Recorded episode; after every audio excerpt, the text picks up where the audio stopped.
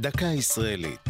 השבוע, לציון 75 שנה למדינה, העשור השני, והפעם, הכור בדימונה. ב-1958 צצו על אדמת הנגב, צפונית-מזרחית לדימונה, מספר מבנים מסתוריים. ביניהם בלטה כיפה כסופה.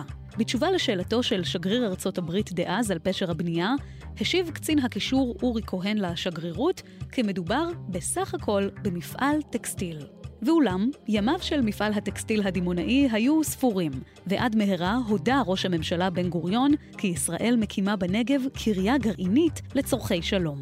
על הצד המדעי הופקד ארנסט דוד ברגמן, ראש הוועדה הישראלית לאנרגיה אטומית, שעם מנכ"ל משרד הביטחון דאז, שמעון פרס הצעיר והנמרץ, האדריכל אמנון ניב, ובסיוע מהנדסים צרפתים, הביאו את הכור אל העולם.